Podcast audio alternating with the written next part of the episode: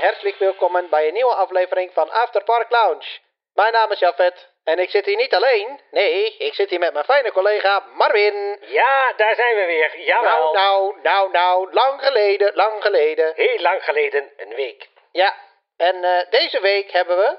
Ja, wederom een nieuwe geschiedenisaflevering. Jawel. Ah, deel 7, zoals Marvin zou zeggen. Dus eh, laten we gauw beginnen. Maar goed, Marvin, even genoeg gekkigheid eh, met radiostemmetjes. Deel 7, ja. Ehm, ja, eh, we zullen nog heel even kort eh, door de lijst met afleveringen gaan die we al eerder hebben gemaakt. Om even een beetje... Ja, li- lijkt mij een verstandig plan, Jafet. Want inmiddels, ja, zoals je zei, deel 7 is het, is het inmiddels al. Ehm, we hebben natuurlijk eigenlijk zo'n beetje de hele geschiedenis van Europa Park tot en met ja, 1995 al behandeld. Deel 1 was eigenlijk, ging over de, de bouw van, eh, van eh, Europa Park en van eigenlijk zelfs het idee tot aan de bouw. Deel 2 was van eh, de bouw tot aan de opening. Deel 3, dat was aflevering 71, een van de weinige afleveringen die Ja. niet in de, nog steeds jammer. de veelvoud van 11 zit. Ehm, is, waren de eerste jaren van het park, dus 1975 tot 1980. Deel 4 was in, is aflevering 88, de groei van Europa Park van 1980 tot 1985. Deel 5 was aflevering 99, jawel. De verdere groei van, eh, van Europa Park 1985 tot 1990. En het vorige deel was aflevering 111. En we hadden zo besloten, we gaan niet naar 222, want dat duurt wel veel te lang. Dan komen we nooit tot aan het einde. Eh, dat was de stroomversnelling van 1990 tot 1995. En in deze aflevering staat eh, promotie tot eh, eigenlijk eh, in, eh, in de boeken. En dat is van 1995 tot 2000. Kijk, interessant. Zeer zeker. Nou, dan gaan we even naar 1995. eh, want daar waren we natuurlijk de laatste keer ook gebleven. En ja, wat gebeurde daar? Nou, eh, daar was eigenlijk het nieuwe themahotel El Andalus geopend. Circuspastoor Ernst Heller, die heeft het gebouw ingewijd. Eh naar een goed katholiek gebruik. En eh, natuurlijk mochten vrienden en familie van de makjes natuurlijk het hotel als allereerste uitproberen. Nou, nu was het zo dat het hotelprincipe eh, botste met het makprincipe. Dat iedereen overal wat vanaf moest weten binnen het park. Maar snel bleek dat het runnen van een hotel toch een hele andere koek was dan dat park operations ook steeds meer specifieke kennis eisten. Nou, tot op de dag van vandaag is het dus ook zo dat het hotel en park twee aparte stromen zijn binnen Europa Park.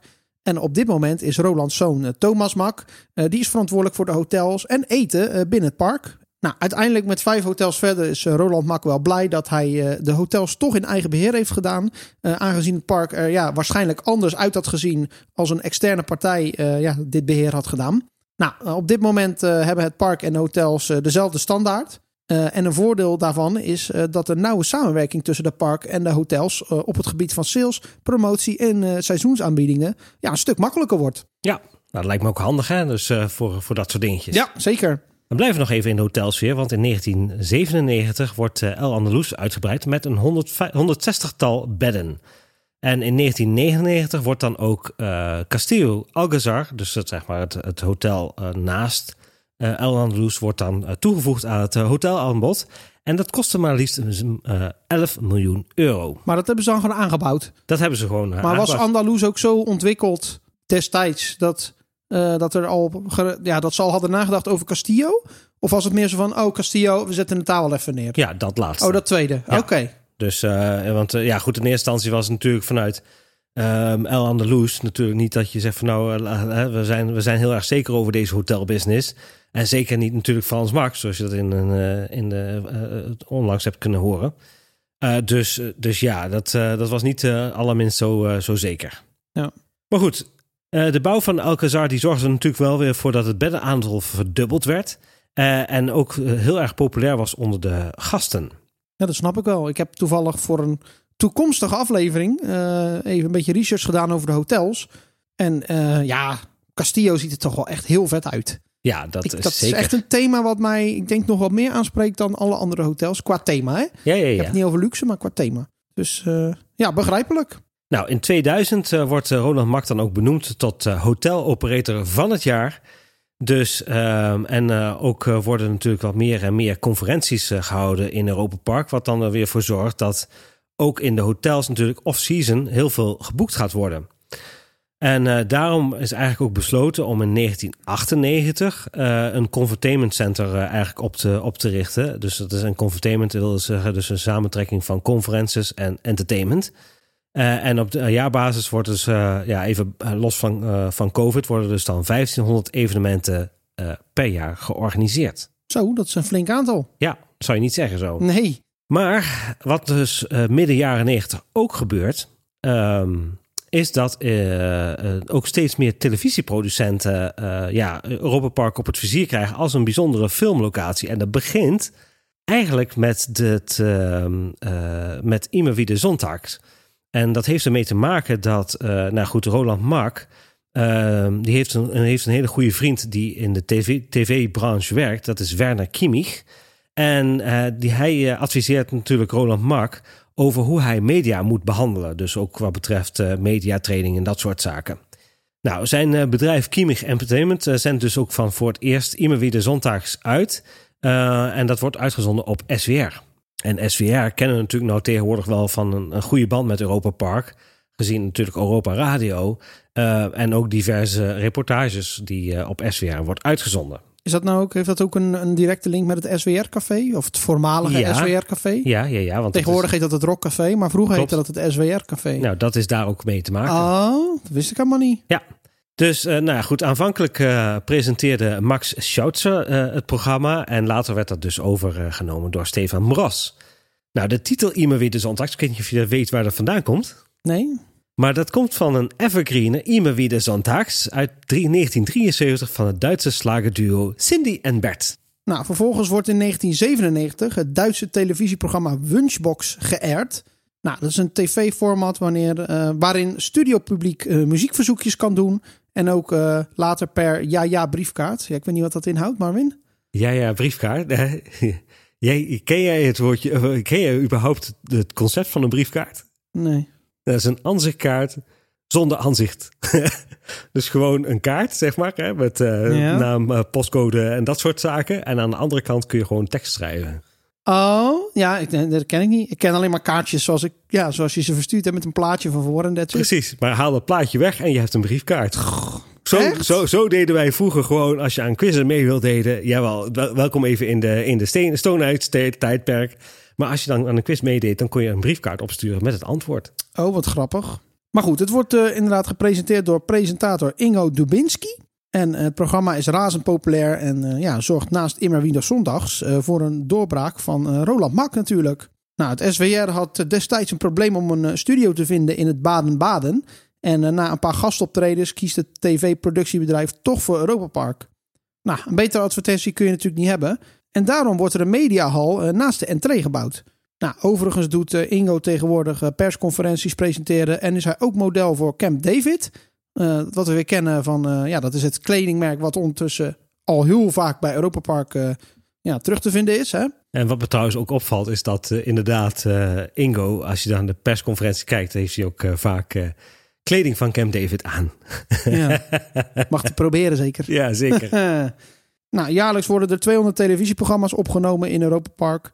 En uh, dat valt dan weer niet in goede aarde bij collega-parken, zoals bijvoorbeeld Holiday Park in uh, Haslog.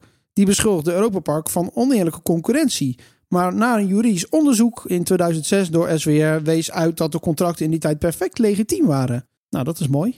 ja. Nou, en vanwege de vele tv-producties komen er ook steeds meer uh, celebrities naar het park. En zodoende gaat Roland dan ook graag op de foto met bekende Duitsers. En zodoende krijgt het park ook een klein beetje het glamour laagje. Dus dan weten we ook waar de hal, zeg maar, bij uh, El Andalus met alle foto's ja, komt. nu weten we dat, ja. niet zo over nagedacht. Nee, precies. Maar ja, ik bedoel, hey, uh, het is wel duidelijk natuurlijk. Uh, als je dan nog maar één hotel hebt waar je dan die foto's moet hangen, dat snap je natuurlijk ook wel. ja, dat is wel gek dat ze dat dan later niet meer hebben veranderd. Nee, ja, nou, wel, er zijn tegenwoordig wel andere ook plekken in hotels waarbij je dus dit soort foto's hebt, maar niet zo'n enorme fotowand, zeg maar. Ah, Oké. Okay. Ja, mooi, hè? Nou ja, goed, in uh, 1995 wordt ook het uh, José Carreras uh, Gala opgenomen in het park. En uh, vandaar nou overigens uh, ook de naam voor het plein voor de Spaanse Arena. Hè? Dat is dat uh, José Carreras plein. Heet dat, heet dat zo? Ja. Oh, dat wist ik Let maar eens goed op, want er staat ergens in een perkje, zeg maar, de naam wordt dat, wordt dat Beperkt weer... weergegeven dus. Beperkt weergegeven, zeker. en nou goed, dat was dan ook een benefietvoorstelling om geld in te zamelen voor leukemie. Nou, in 1996 wordt er zelfs ook een film opgenomen in Europa Park. Jawel. Daar hebben we het al eens over gehad, toch? Jazeker, want dat is, uh, en dat zul je, zul je ook zo meteen wel zien in het overzicht, is het, het Franse ja, filmstraatje, zoals dat het noemt, hè, waar eigenlijk langs de 4D-kino zit. Ja, langs de 4D-studio loop je richting Italië, hè? Precies. En daar is de film Nadine Nakt in Bistro opgenomen. Uh, en ja, dat, is, dat, dat, dat filmstraatje is speciaal door Damrau ont, uh, ontworpen.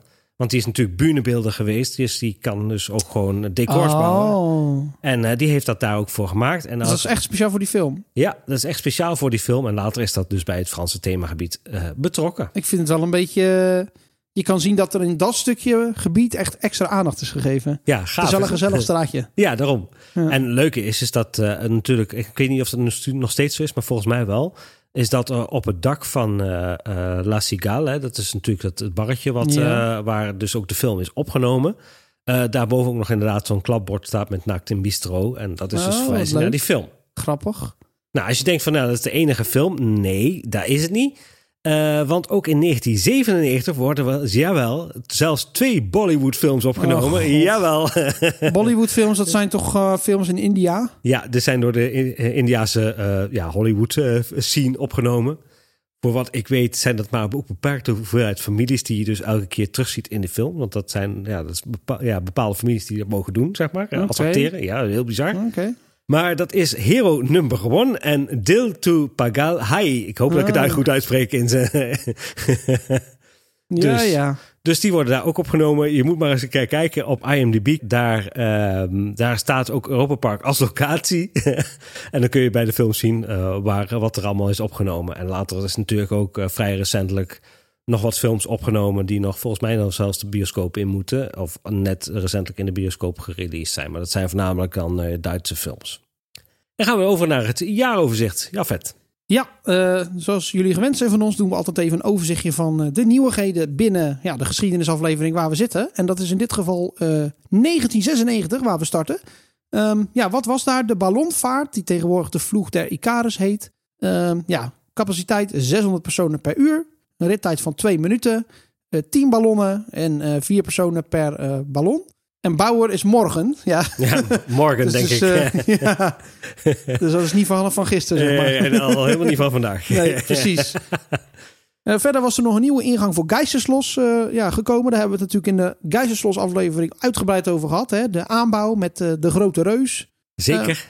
verder hebben we nog carnaval in Venedig. Dat is de Italiaanse vogelshow waar ik pas nog ben geweest. En heerlijk blijft. Ja, is wel grappig. Dus uh, die is er ook nog steeds. Um, ja, eigenlijk de Tiki Tiki Room van natuurlijk Europa Park, hè?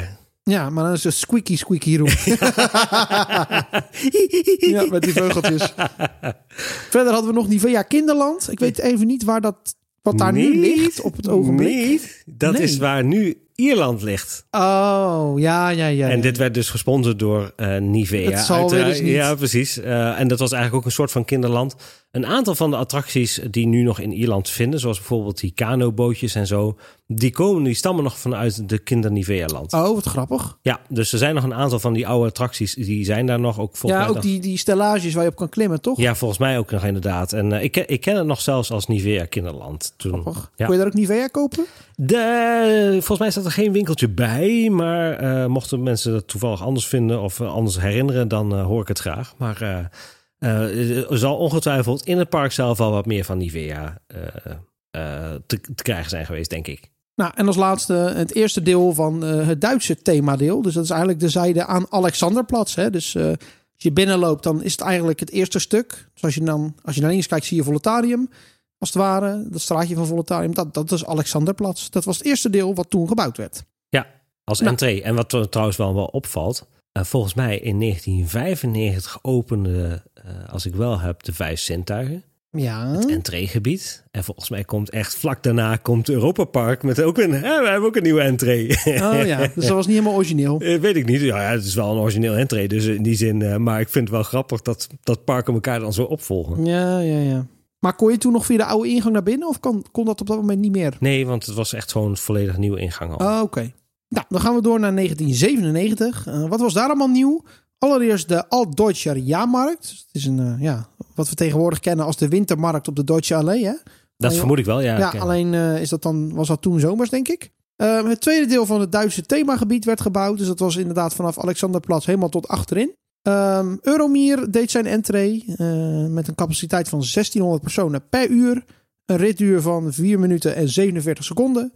80 km per uur aan snelheid. eh 9 treinen, 16 personen per trein. 28 meter hoog en een baanlengte van 984 meter. Verder was er nog het eh, film Erlebniswelt. Hè, daar hebben we het net over gehad met eh, Naakt in Bistro. Heet dat, dat straatje heet dus film Erlebniswelt. ja, dat heet de film. Oh, dat ik ja, helemaal ja, ja, klopt. En als laatste was er nog een, ja, een Vikinger stuntshow. Ja, en die zat eigenlijk soort van in de vijver van achter Scandinavië. Dan hebben we in 1998, jawel, eh, het Russische ehm, eh, themagebied wat erbij komt. Daar hebben we natuurlijk ook natuurlijk al een, een leuke podcast over gemaakt. Hè? Leuke Ja. aflevering over, eh, over het Russische themagebied. Dus luister, ga dat ook zeker even luisteren. Dan hebben we natuurlijk onze welbekende, jawel, Slittenvaart, sneeuwvlokken. Die is er natuurlijk weer bij. Want die werd ook met het Russische themagebied tegelijk geopend. Die heeft een capaciteit van 660 personen per uur. De rittijd is 2 minuten en 25 seconden. Aantal karretjes dat ze hebben is 8. En het aantal personen per karretje is 4 personen. Of al 4 volwassenen die erin kunnen. Dan is er ook nog het Sauberwelte Diamanten toegevoegd. Dat zit natuurlijk bij de Alpen Enzian Coaster. Die heeft een, eh, een hele indoor wereld gekregen. Dan was er nog de Taiga Shuttle. En dat was eh, waar nu eh, de voetbalarena is. Oké, ja. Daar hebben ze, hadden ze op een gegeven moment wat simulatoren ingestopt. En dat, daar, daar- daarmee kon je dus dan mee gaan. Dan was er ook nog de Rijfvogelwarte. mm, Wat het, mm, anyways, wat er mogen zijn. Eh, Daar kon ik niet zo heel veel over terugvinden. Zijn de luisteraars die het weten, roept u maar. Eh, zeker. De radioschotel is erbij gekomen, natuurlijk, die eh, in de buurt van Rusland staat. En er kwam een nieuwe parkeerplaats. De parkeerloos die we kennen zoals die nu is? Ja, zoals die nu is. Oh, interessant. Dan in 1999 hebben we natuurlijk wat er toegevoegd wordt: de Colonial Food Station. Ja, dat mag nou niet meer, hè?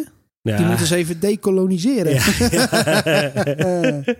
ja, precies. Nee, het is eh, natuurlijk ten, tegenover uh, Junglevaart uiteraard. Uh, ook het derde gedeelte van het uh, Duitse themagebied is, er, uh, is erbij gekomen. Hotel Castillo Alcazar, waar we het net ook al even over hadden, die, die werd geopend. En natuurlijk de Matterhorn Blitz werd toegevoegd met een capaciteit van 960 personen per uur.